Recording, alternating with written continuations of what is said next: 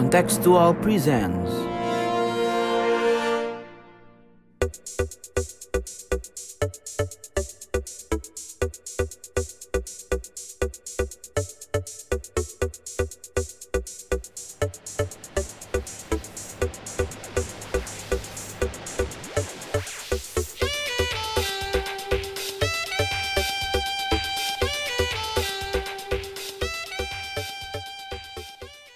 Selamat datang kembali di podcast kasual, katanya kontekstual. Nah, di sini kita bakal jawab-jawabin pertanyaan-pertanyaan kalian nih yang udah ditanyain dari kemarin. Banyak banget yang udah masuk. Thank you banget.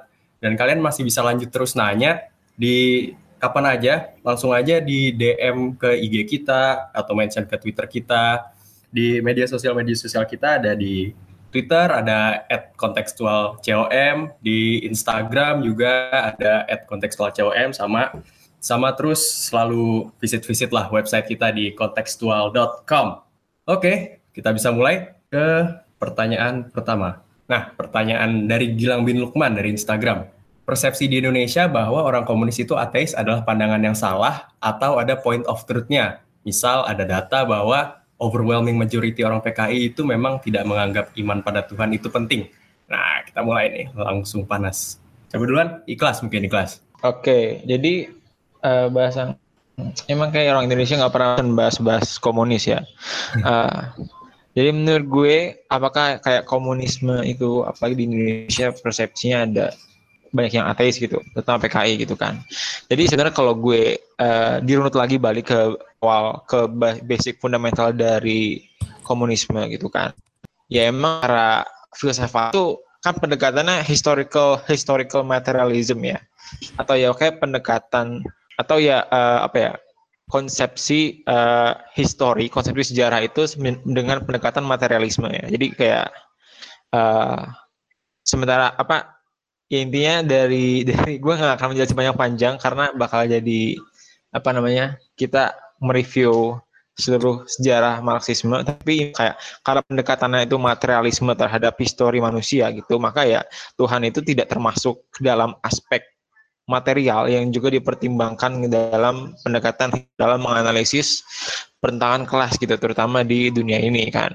Kan ya Tuhan dalam konsepsi kita ya Tuhan itu kan metafisik. Tuhan itu bukan sesuatu yang tangible yang bisa kita langsung uh, lihat di dunia ini gitu. Dan itu menjadi basic kenapa secara fundamental ya biasanya orang komunisme itu ateis gitu kan. Itu meskipun uh, itu bukan poin utamanya juga dari komunisme iya. gitu kan. Iya. Nah tapi uh, kalau gue nggak tahu data yang dikutip yang dikutip sama Bang Gilang itu dari mana, tapi ya ada probably true kayak gitu.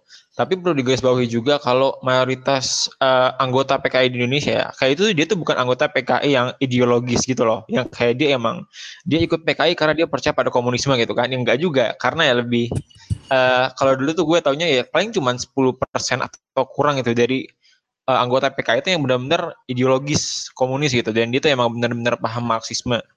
Sementara itu kayak most overwhelming majority-nya tuh enggak gitu dan uh, gue yakin ya jadinya enggak enggak semuanya enggak dalam angka besar yang mereka itu benar-benar mengklaim dirinya sebagai ateis gitu.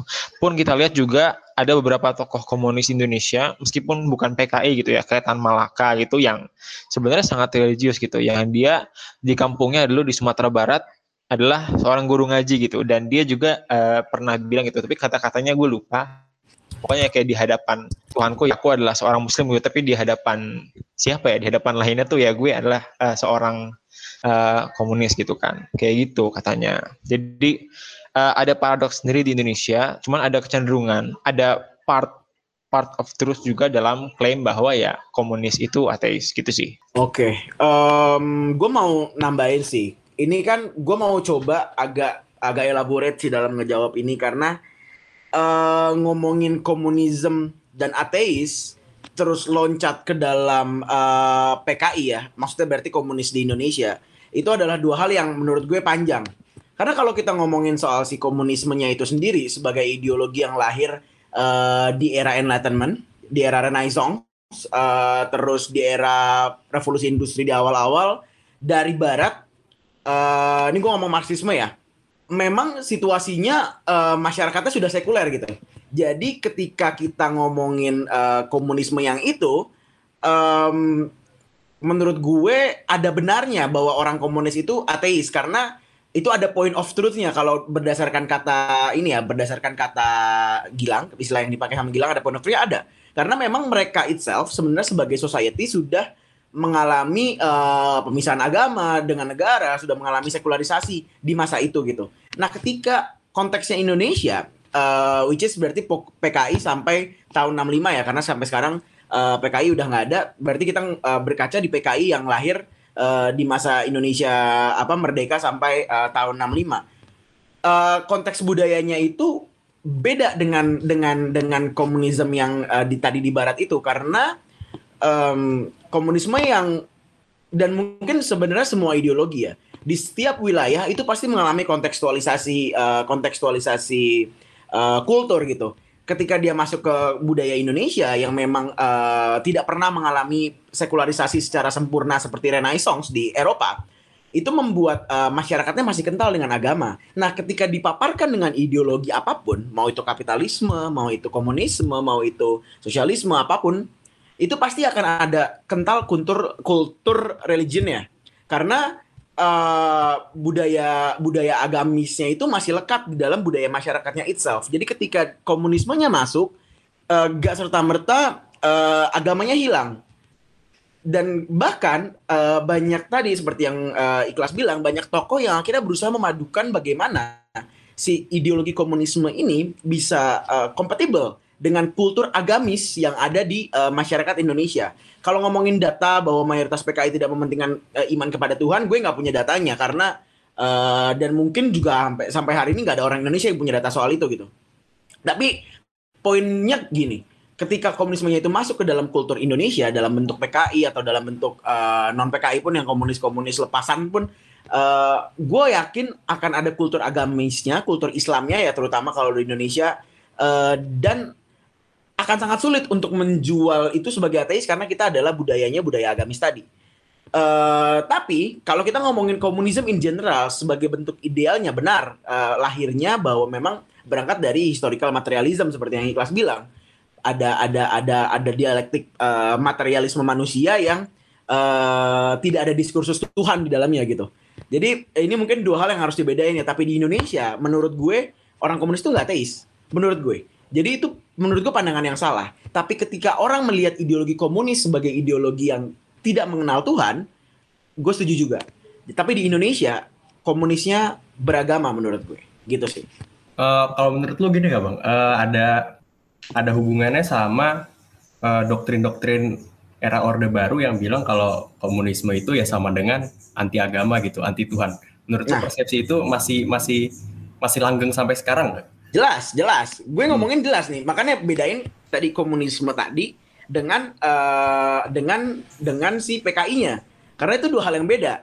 Hmm. Eh, ketika ketika eh, ketika ada wacana itu di era Orde Baru bahwa komunisme itu tidak mengenal Tuhan dan sebagainya, karena mereka mereflek dengan eh, isi gagasan yang diangkat dari komunisme Barat. Tapi sebenarnya eh ya pelanggengan miskonsepsi tadi itu terjadi karena ya otoritarian dan segala macam lo pasti bisa membentuk eh, budaya di masyarakat karena lo otoriter kan. Tapi poinnya gini, komunisme yang lo tahu diceritakan di Orde Baru, komunisme yang kita tahu sekarang, teman-teman mungkin yang eh, ya teman-teman gue nggak mau ngasih tahu lah siapa ya bahaya takutnya membahayakan eh, mereka terus kita teman-teman komunis yang mungkin kita, eh, kita kenal di sekitar kita dan PKI yang lahir di era Soekarno itu tiga tiga kelompok yang berbeda gitu.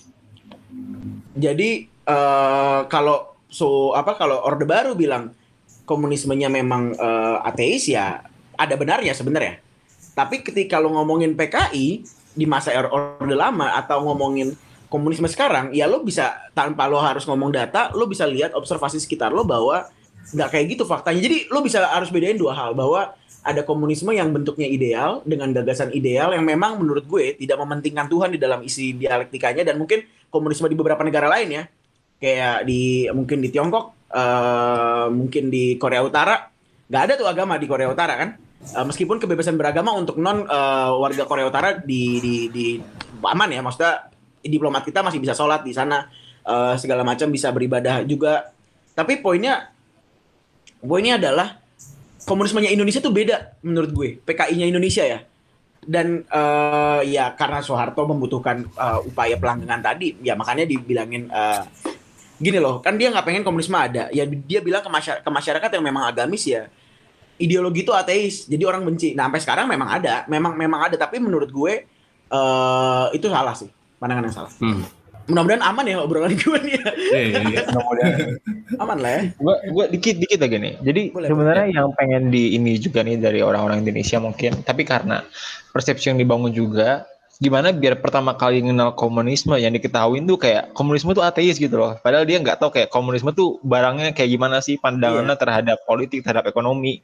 Justru yang diketahuinya terlebih dahulu tuh kayak ya komunisme tuh ateis gitu dan itu yang bikin banyak miskonsepsi gitu meskipun ada point of truth-nya tapi bukan itu hal yang pentingnya gitu dari komunisme itu sendiri Betul. Oke, udah puas ya sama Puas pertanyaan lah. Mantap sini.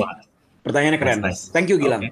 Nice. Kita moving on ke pertanyaan ke kedua dari Instagram dari @wondercrx. Kenapa dunia ini nggak damai aja sih? Gila ini filosofis banget ya. gila gila gila gila dari dari awal ada Hai ditanyain nih. Iya. Kenapa dunia tidak damai? Oke, mulai lu dulu Davis. Oke. Gak sederhana kalau gue jawabnya. Nah. Eh, lo harus refer ke definisi politik di zaman eh, Yunani kuno yang bilang kalau politik adalah who gets what, when and how, ya kan? Eh, siapa dapat apa, kapan dan bagaimana karena sumber daya terbatas, maka alokasinya, distribusinya ditentukan oleh yang berkuasa. Dan kalau lu ngomongin soal distribusi tadi untuk sumber daya yang terbatas, sedangkan kebutuhan tidak terbatas, ya pasti akan ada konflik di situ. Pasti akan ada konflik kepentingan, pasti akan ada pasti akan ada apa jotos-jotosan karena sumber daya tidak terbatas. Eh sumber daya terbatas. Beda lain cerita kalau sumber daya itu tidak terbatas ya. Kalau sumber daya tidak terbatas, eh, kebutuhan manusia bisa terpenuhi semuanya, semua orang kaya ya, gue yakin dunia damai. Menurut gue dunia damai kalau kayak gitu. Tapi ya karena tadi karena ada sumber daya terbatas ya mau lu ngomongin politik internasional, mau lu ngomongin politik domestik, mau lu ngomongin politik di RT lo sendiri deh. Gue yakin pasti ada ada nyinyir-nyinyiran. Nah itu kenapa dunia nggak bisa damai menurut gue karena sumber daya terbatas. Di kelas ada tambahan? Sulit ya sebenarnya kayak gue mau ngeliat dari kacamata mana juga gitu loh. Em, tapi kalau gue sih mungkin bilangnya gimana ya? Eh, karena mungkin eh, kenapa dunia ini terus nggak eh nggak kunjung damai gitu. Justru gue ngejawabnya nggak terlalu dari perspektif lain ya, tapi kayak eh, ya karena manusia memandang manusia lain tuh masih secara berbeda gitu. Ini dari perspektif identitas ya, kayak agak agak-agak Francis Fukuyama gini.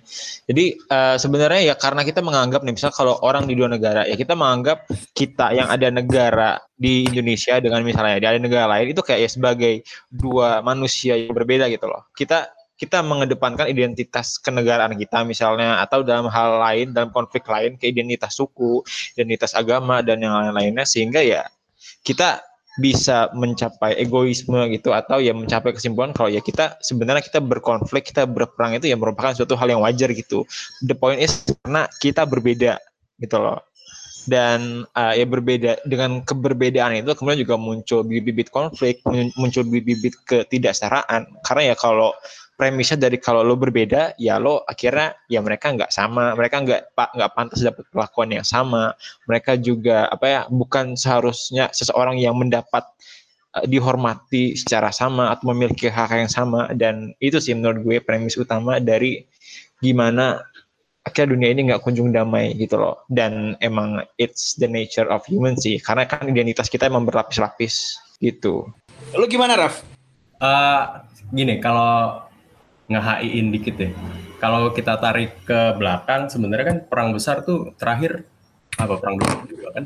Dan kalau secara relatif berarti sekarang sebenarnya kalau dibanding sama masa lalu sih ya, ya damai-damai aja gitu. Relatif, relatif. Ngomongnya soalnya dunia ya. Pertanyaannya kenapa dunia ini? dunia Ah. dunia sih Eh, ya secara relatif ya iya cuman mungkin kalau di kalau perintilan-perintilannya di level regional atau level lokal level nasional ya mungkin ya konflik bakal selalu ada lah kayak benar kata Hafiz tadi ya selama selama sumber daya masih masih terbatas ya konflik itu in- inevitable sih ya simple as that sebenarnya gitu menurut gue ya sudah puas dengan pertanyaan kedua Sudah lah ya, mantap lah.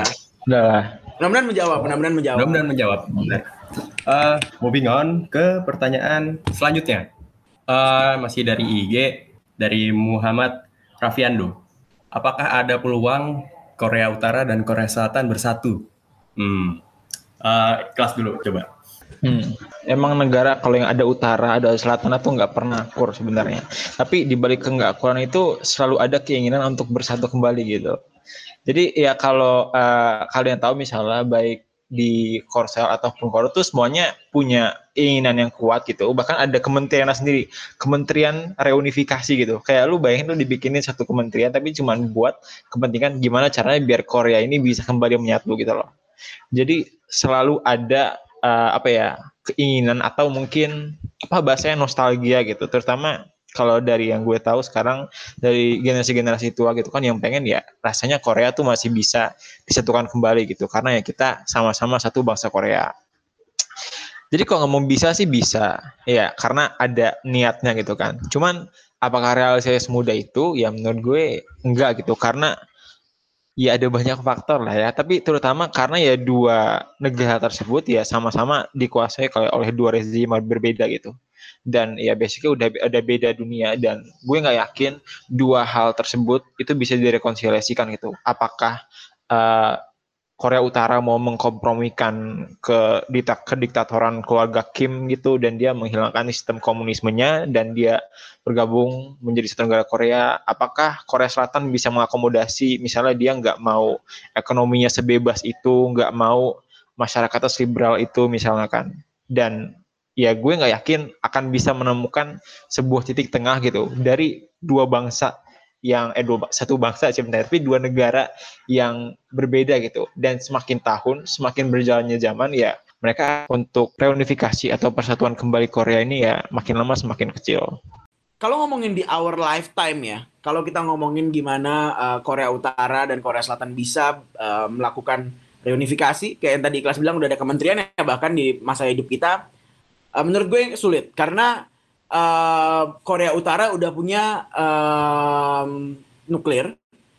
Ini agak realis sih pandangannya, tapi memang karena udah punya nuklir, jadi deterrence-nya udah kuat untuk mem membanish, menghilangkan Korea Utara dari dari dari dari wujudnya sekarang gitu. Menurut gue dan backingnya juga kuat yaitu uh, Cina dan teman-teman uh, teman-teman di sekitar Tiongkok juga. Jadi uh, kalau ngomongin Korea Utara itu uh, bakal dicaplok atau bakal kalah, itu sulit. Begitupun dengan Korsel.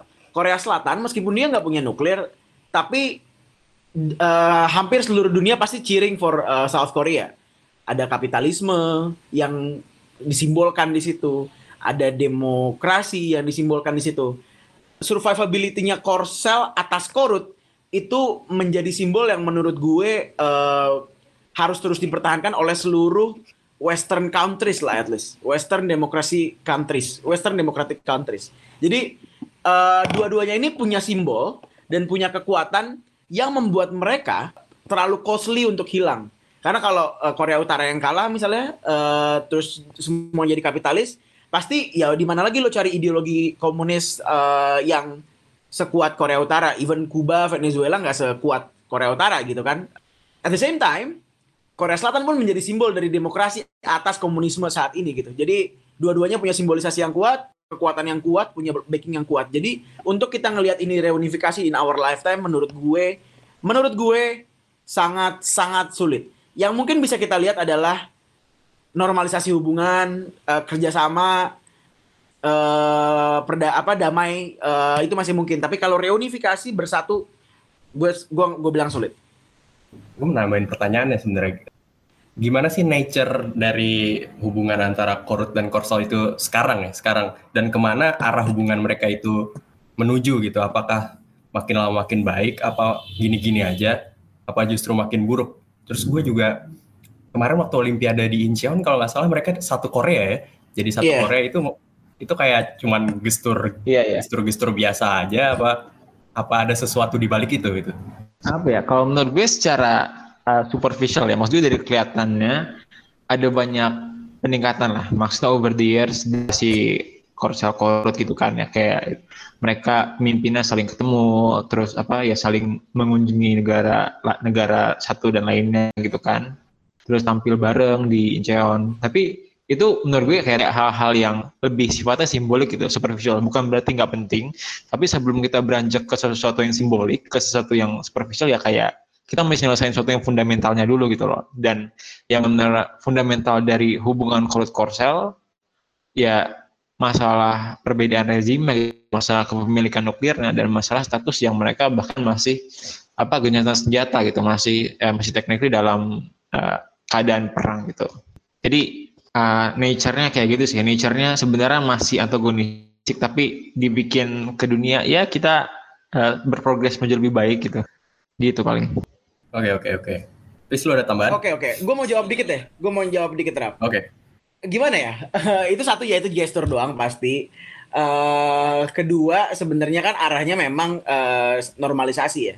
Bahwa berjuang di bawah satu bendera Korea itu menurut gue uh, hal yang oke, okay, hal yang baik. Gue sangat cheering that up. Tapi at the same time naif banget kalau lu pengen uh, itu kan soalnya ya kalau lu ikut lomba ya kan nggak ada pertaruhan ideologi, nggak ada pertaruhan uh, prestis, apa uh, ideologi lo nggak ada pertaruhan negara lo hilang atau enggak kan ya lo cuma bersatu doang di di event itu tapi itu dua hal yang separate uh, terpisah menurut gue uh, jadi tetap menurut gue sih kecil dan ya kalau lo melihat gestur-gestur kayak gitu gue malah berharap memang uh, normalisasi hubungan seperti yang tadi kelas bilang bahwa ya ada ada ada perbaikan hubungan ada ada ada usaha untuk saling uh, komunikasi. That's good point menurut gue. Dan tadi gestur-gestur kayak gitu ya menuju normalisasi hubungan dua negara menurut gue sangat-sangat gue dukung dan gue merasa itu lebih mungkin daripada bersatu. Siap, oke oke, jawaban yang sangat-sangat memuaskan ya, sepertinya. Kita lanjut aja ke pertanyaan keempat, masih dari IG dari novel underscore Ubaidillah. Pertanyaan agak panjang nih. Uh, melihat bergeser hegemon dunia dari Amerika Serikat ke China dan atau India, bagaimana seharusnya grand strategi politik luar negeri Indonesia dalam 20 sampai 30 tahun ke depan. Apakah Indonesia bisa atau harus naik satu hegemon baru yang bisa menjaga dan meningkatkan keadilan, perdamaian, dan kesejahteraan dunia dalam tatanan dunia baru nantinya. Siapa dulu? Gue deh. Oke, boleh. Huh. Grand strategi, kalau lo ngomongin grand strategi, uh, Indonesia harus mulai dari ASEAN. Itu grand strategi ya Eh, nggak uh, ada wilayah sekelompok negara uh, ini wilayah geografis, wilayah ideologis, wilayah dalam dalam dalam konteks apa pun lah gitu uh, yang Indonesia punya pengaruh lebih kuat daripada daripada di ASEAN. Sebenarnya ada uh, organisasi negara-negara Islam, oke. Okay. Tapi menurut gue Oki nggak punya kekuatan sekuat ASEAN, nggak punya nama um, apa nama nama image dan nama sebaik ASEAN dan menurut gue jadinya uh, ya Indonesia harus mulai dari ASEAN. Jadi bagaimana grand strategi politik luar negeri Indonesia dalam 20-30 tahun ke depan? Ya mulailah dari Asia Tenggara, mulailah menjadi pemimpin multilateral di uh, organisasi regional Asia Tenggara. Dari situ kita bisa mengalokasikan um, apa mengalokasikan sumber daya, mengalokasikan um, apa uh, mengalokasikan pikiran, tenaga dan segala macam lah untuk gimana caranya si ASEAN ini jadi uh, working regional yang punya gak cuman ngomongin apa proses ya, tapi juga punya hasil yang uh, result uh, punya hasil yang baik gitu, result oriented bukan lagi proses oriented. Nah, uh, apakah Indonesia bisa harus naik menjadi salah satu hegemon baru yang bisa menjaga dan meningkatkan keadilan perdamaian si bla bla bla bla bla itu. Nah, ya itu bisa hanya dibuktikan gimana caranya Indonesia dengan uh, Asia Tenggaranya itu. Kalau kalau negara lain bisa melihat bahwa oh uh, Indonesia sebagai leader di wilayahnya sendiri sudah capable untuk menjadi pemimpin uh, hegemon di wilayahnya. Gue yakin akan ada akan ada upaya untuk dari hegemon lama, misalnya dari US atau mungkin dari hegemon yang rising kayak Tiongkok untuk ah gue mau harus kerjasama nih sama Indonesia. Karena kalau nggak ada Indonesia gue nggak dapat Asia Tenggara. Kalau gue nggak dapat Asia Tenggara gue nggak akan bisa menguasai dunia gitu loh. Jadi di situ dulu uh, dan hari ini kan udah beda lah ya sama sama perang sama era perang dunia kedua in which eh, udah sangat sulit untuk lo menguasai dunia pakai pakai pakai bedil gitu, pakai senjata. Jadi eh, poinnya adalah coba lihat Jerman deh. Gimana dalam 75 tahun Jerman bisa dari yang kalah perang sampai sekarang menjadi hegemon di Eropa.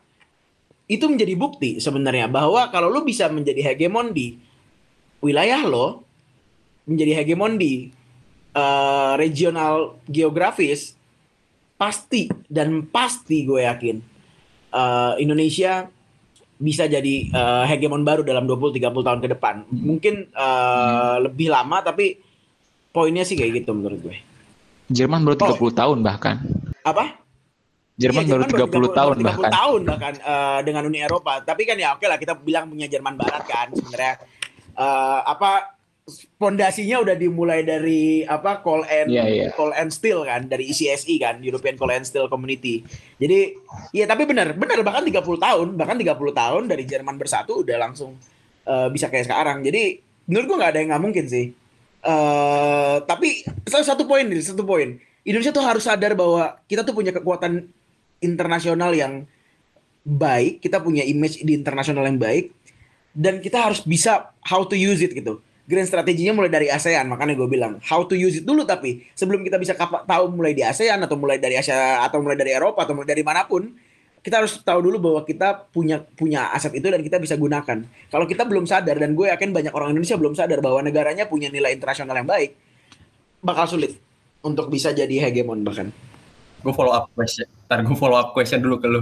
Tadi lu bilang kalau di harus ini ya, harus fokus di level regional dulu, di level ASEAN. Emangnya posisi Indonesia di ASEAN itu sekarang kayak gimana sih? Apakah Posisi- mendekati ke arah hegemon regional apa enggak? Apa gimana? posisi di ASEAN. Uh, sorry to say, Yep. iya 6-7 tahun terakhir, strong point kita di ASEAN makin lemah ya. Gue harus bilang kalau administrasi Jokowi itu uh, enggak fokus ke ASEAN. Bukan berarti salah ya, tapi gue bilang uh, melemah karena memang fokusnya dari pemerintahan yang sekarang uh, 6-7 tahun ke belakang udah nggak ke ASEAN, udah nggak ke Asia Tenggara. Pun dengan dengan SBY yang eh, 10 tahun fokus juga di internasional eh, ini ya international cooperation di regional cooperation kayak ASEAN kita kita nggak tahu cara makinya gimana karena eh ya udah ada strateginya tapi kita nggak tahu cara makinya gimana gitu. Karena kita nggak tahu cara makinya gimana jadi kita sebaik-baiknya waktu RSBY pun di ASEAN sekuat-kuat kita di ASEAN kita masih kelabakan untuk eh mau diapain sih nih eh, kita sebagai negara terbesar penduduk terbanyak di wilayah ini gitu. Jadi eh melemah iya dan mungkin gue berharap apa ya? eh kalau nanti ada pemilu lagi tahun 2024 gue berharap salah satu calonnya at least bisa ngebawa eh, visi internasionalnya Indonesia gitu. Nggak cuma visi domestik ya. Gue tahu Indonesia harus disejahterain, gue paham. Gue paham eh, masih banyak warga yang harus eh, disejahterakan, tapi poinnya itu juga nggak akan bisa kesampaian kalau kita nggak punya kemampuan internasional yang baik sih. Gimana menurut lu kelas? Eh, jadi kan kita di sini ngomongin grand strategy yang kalau kita harus ada jelas gitu strateginya apa. Kalau kita refer ke negara lain misalnya kayak dari Amerika, dia dari zaman eh, Wilson itu kan udah ada fondasi buat liberal hegemony gitu kan. Terus pas PD2 eh pasca Perang Dunia 2 dia ada containment, terus ada offshore balancing dan lain-lainnya. Jadi ada nama strategi yang jelas gitu. Pun atau sebenarnya nggak harus nama strategi sih atau eh, bisa sebuah adagium gitu. Kayak misalnya dulu di Cina ada Deng Xiaoping kayak hide your strength terus bide your time gitu kan yang masih dipraktikkan gitu sampai sekarang in a form meskipun terus terus bertransformasi. Nah kalau buat kasus Indonesia, gue tuh nggak yakin sebenarnya grand strategy kita tuh apa sih? Ya kita kan tahunya selama ini paling ya politik bebas aktif gitu kan, politik luar negeri bebas aktif. Tapi kayak itu sendiri lebih ke merupakan prinsip eh, politik, politik luar negeri gitu loh. Kayak kita harus ngapain gitu, bukan apa yang harus kita capai dan dengan strategi apa.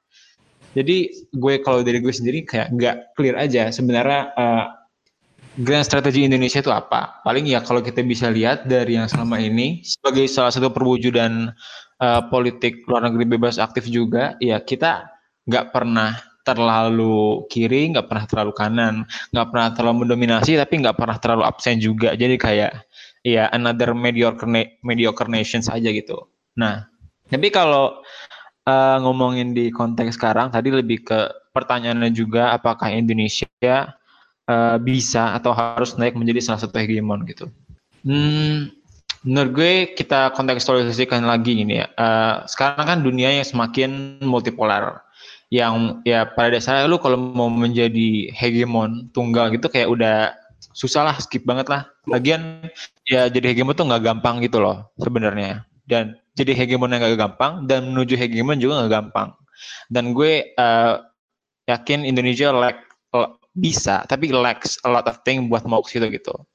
Dan uh, gue setuju juga sama uh, Hafiz tadi kan kayak kita Indonesia harus mulai dari regional dulu gitu. Tapi kalau gue mungkin narik ke regionalnya juga bukan ASEAN doang dan mungkin yang sering diomongin juga sama orang-orang Kemenlu gitu. ASEAN agak agak bosen kayak sekarang diomongin. Jangan dia bisa ngomongnya tuh Indo-Pasifik sekarang itu kan, yang lebih luas konteksnya. Dan uh, benar, kayak dia ada dari Kemenlu tuh ada Indo-Pacific Outlook dan lain-lainnya. Cuman lagi-lagi menurut gue kayak Indonesia uh, apa ya ya kayak terjebak di tengah gitu loh adalah uh, adalah nggak mungkin Indonesia buat bisa sengaja untuk sekarang ya belum mungkin untuk dia bisa lebih maju lebih mendominasi lagi dan yang paling mungkin kan ya buat dia sekarang kayak stay in the middle aja lagi gitu loh. Dan uh, kalau gue sih cukup apa ya gitulah dengan posisi Indonesia yang kayak gitu-gitu sebenarnya. Kalau mau dibilang inovasi uh, politik luar negeri Indonesia itu kayak ya banyak tapi kayak mirip-mirip kayak yang Korea tadi misalnya lebih nggak superficial juga tapi kayak uh, lebih bukan tidak menyentuh hal yang fundamental gitu loh. Kayak nggak berpengaruh terhadap distribusi power nggak ter nggak berpengaruh terhadap uh, kekuatan ekonomi lo atas negara-negara lain. Kayak lebih ya udah Indonesia memimpin di resolusi konflik ini gitu. Indonesia uh, membroker perjanjian perdamaian di mana gitu. Kayak itu nggak menunjukkan kalau Indonesia lebih akan lebih naik menjadi kekuatan regional ataupun hegemon gitu loh. Jadi bisa, pertama bisa, kedua gue nggak yakin grand strategy grand strategy Indonesia apa, dan ketiga yang selama ini gue lihat ya Indonesia kayak gini-gini aja sebenarnya, gitu sih.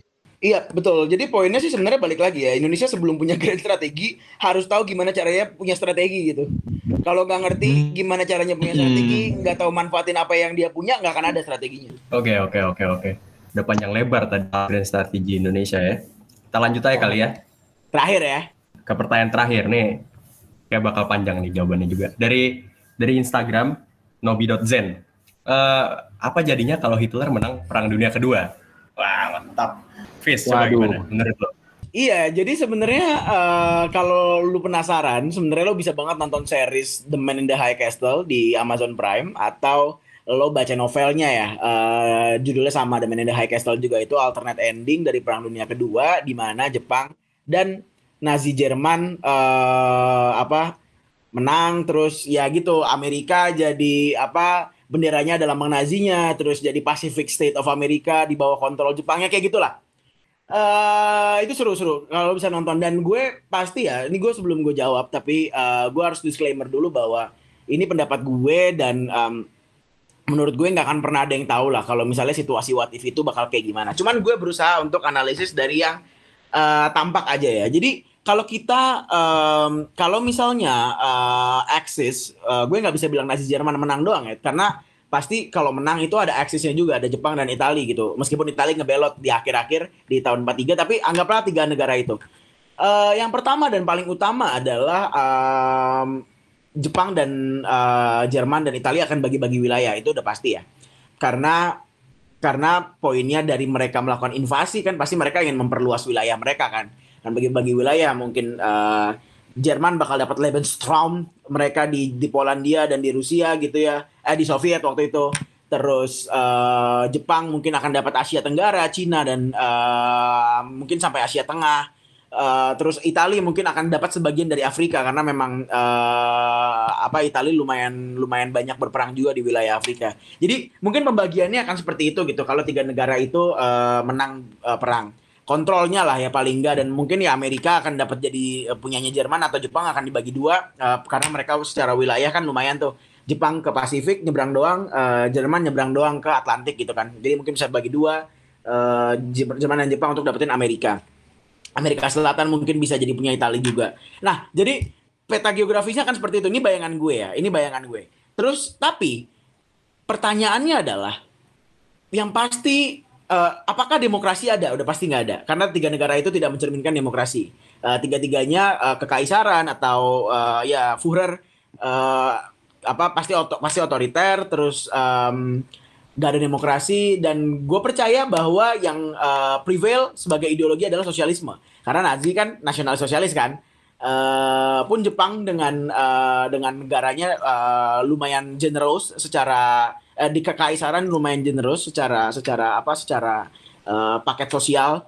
Uh, Itali gue karena dia masih saat itu masih kingdom uh, monarki konstitu monarki konstitusional gue yakin juga akan bersifat uh, feodal. Uh, tapi gue yakin sosialis bukan kayak komunis. Jadi bayangan gue kayak gitu pasti akan sosialis uh, seluruh sosialis di seluruh dunia. Ini mungkin yang denger ada yang anjir kenapa nggak menang aja Jerman ya? Gitu. Karena sosialis kan. Tapi gini tapi poinnya adalah tapi lo kehilangan kebebasan pasti dan uh, pertanyaan kedua adalah apa yang akan dilakukan oleh mereka bertiga? Apa mereka akan hidup damai? Tentu tidak. Karena visi dari Nazi Jerman jelas bahwa untuk menguasai dunia dipenuhi dengan suku Arya. Dengan orang-orang yang katanya fisiknya paling sempurna, yang yang kulitnya putih, yang hidungnya mancung, yang kayak gitu gitulah. Uh, jadi gue yakin negara tiga-tiga negara itu setelah mungkin uh, dua tiga dekade uh, hidup nyaman akan mulai lagi konfliknya tuh. Entah bisa datang dari uh, wilayah yang dikontrol oleh oleh apa oleh tiga negara itu karena mungkin kan jadi hegemon kan balik lagi ya closely mungkin akan ada uh, pemberontakan-pemberontakan atau atau uh, perang di antara ketiganya. Yang mana mungkin lebih mungkin karena tadi Nazi Jerman punya visi uh, untuk menguasai dunia dan isinya Aryan semua gitu. Uh, jadi gue cuma bisa ngebayangin sejauh itu sih kalau Nazi Jerman menang. Jadi mereka bertiga akan hidup damai, akan ada pemberontakan setelah dua tiga dekade. Uh, either itu datang dari bawah, datang dari datang dari uh, apa uh, wilayah yang mereka kontrol atau datang secara horizontal. Jadi mungkin Jerman bisa invasi ke wilayahnya Jepang atau invasi ke wilayah Italia karena uh, gue selalu ngeliat kacamatanya si Nazi Jerman yaitu pengen menguasai dunia. Beda dengan Jepang yang ngerasa bahwa mereka butuh uh, Asia Tenggara untuk sumber daya minyak mereka atau Italia yang merasa memang uh, visinya adalah visi uh, feodal masa lampau, monarki konstitusional yang butuh wilayah kayak kerajaan kayak gitu aja sih. Jadi yang pasti akan memulai movement tuh Jerman. Tapi gue bisa cuman bisa membayangkan sejauh itu. Gitu. Gimana kelas? Oke, jadi ini kan open question ya, jadi uh, bebas-bebas lah jawabnya. Mantap, bebas lah. Sebenarnya sama uh, asik gitu menurut gue. Meskipun awal agak bosenin, tapi dia kayak emang mengeksplorasi alternate history secara banyak gitu sampai berseason-season. Dan sebenarnya ya banyak yang udah dimention sama Hafiz juga sih tadi. Uh, pokoknya dari ketiga negara itu dari semua Axis powers ya mereka visinya kan bakal dia akan menang dan menguasai dunia gitu. Jadi ya dunia intinya bakal dibagi-bagi di antara mereka dan akan bagaimanakah dunia setelah itu gitu? Kalau setelah mereka menang dan menguasai semuanya ya menurut gue satu hal sih. Karena dari uh, ketiga negara tersebut kayak bilang Hafiz juga mereka visinya ya ada pengen label selama di visi feodal dan lain-lainnya. Tapi mereka dari mereka bertiga tuh nggak ada yang memiliki ya visi perdamaian gitu lah. Kan kayak mereka emang pengen yang membuat dunia ini lebih damai gitu. Setelah perang dunia dua gimana caranya biar nggak ada perang lagi gitu itu itu the sole reason semua yang hampir dari semua yang ada sekarang itu dibuat gitu PBB WTO sampai semua organisasi internasional lainnya itu dibuat ya untuk mencegah agar peperangan itu nggak kembali pecah gitu loh, nggak ada lagi perang sebesar perang dunia dua. Dan uh, kalau udah kayak gitu kondisinya, sebagaimana kondisi dalam series itu juga kemungkinan besar dari mereka ya bakal clash lagi, uh, bakal clash lagi entah itu Jerman lawan Jepang. Pokoknya mereka saling perang-perangan lah sampai dia mendapat dominasi total dari dunia. Tapi uh, sebagaimana yang diperlihatkan di series itu juga gitu ya sebenarnya ada juga zona-zona yang dia tuh tetap di luar kontrol negara. Kayak itu ada yang di sana tuh namanya uh, neutral zone. Dia emang dia ungoverned areas gitu yang emang di luar dari jangkauan uh, apa namanya Nazi Jerman gitu yang di pusatnya. Bahkan yang di Amerika sendiri tuh dibikin ya pokoknya uh, Nazi-nya Amerika gitu. Jadi sebenarnya ada negara, ada separate state yang cuman dia itu uh, closely coordinating sama uh, Nazi Jerman yang di pusatnya di Eropa gitu loh. Jadi menurut gue kalau kayak gitu lebih bakal ujungnya konflik tanpa akhir sih. Kalaupun misalnya satu pihak udah menguasai dunia, apakah dunia akan damai juga? Ya itu nggak mungkin gitu. gue sih balik ke ya bagaimana manusia ini berbeda dan bagaimana kalau ada dominasi terhadap dunia ini oleh suatu pihak lagi ketika semuanya itu di apa disalurkan kepada mereka gitu ya. Nggak akan pernah ada perdamaian gitu. Nah kalau gue ya dari perspektif liberal gitu ya semuanya sebenarnya mau nggak mau akan tetap ada mimpi-mimpi liberal yang muncul gitu loh ya kayak ya udah kita ya pada akhirnya kita inginkan perdamaian kita inginkan kayak hak kita gitu. Unless unless ya semua satu dunia ini udah dicuci otaknya semuanya itu. Jadi kayak pokoknya Arya superior gitu sih Semuanya udah jadi wilayah kekuasaan Nazi, bro.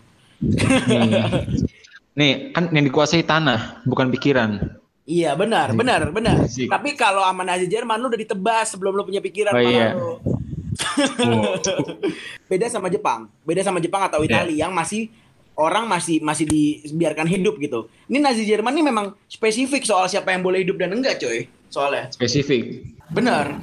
Oke. Pas gue Nah, pengen nanya pengen nanya terakhir sama lu. Kalau di main in High Castle tuh kan Amerika dibagi dua ya, apa? Nazi Jerman sama, Jepang. Kalau menurut lu Amerika tuh sebenarnya waktu perang dunia kedua juga nggak pernah diserang dari darat kan? Maksudnya menurut lu kalau misalnya Jerman menang, nature relationship antara Nazi Jerman di Eropa daratan gitu sama Amerika yang sebenarnya jauh banget, nggak nggak pernah diserang di darat juga, kayak bakal kayak gimana?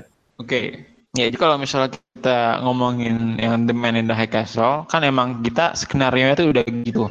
Bahwa ya di Amerika itu mereka terbagi jadi dua, ada yang dari buat Nazi Jerman, ada yang buat Jepang gitu.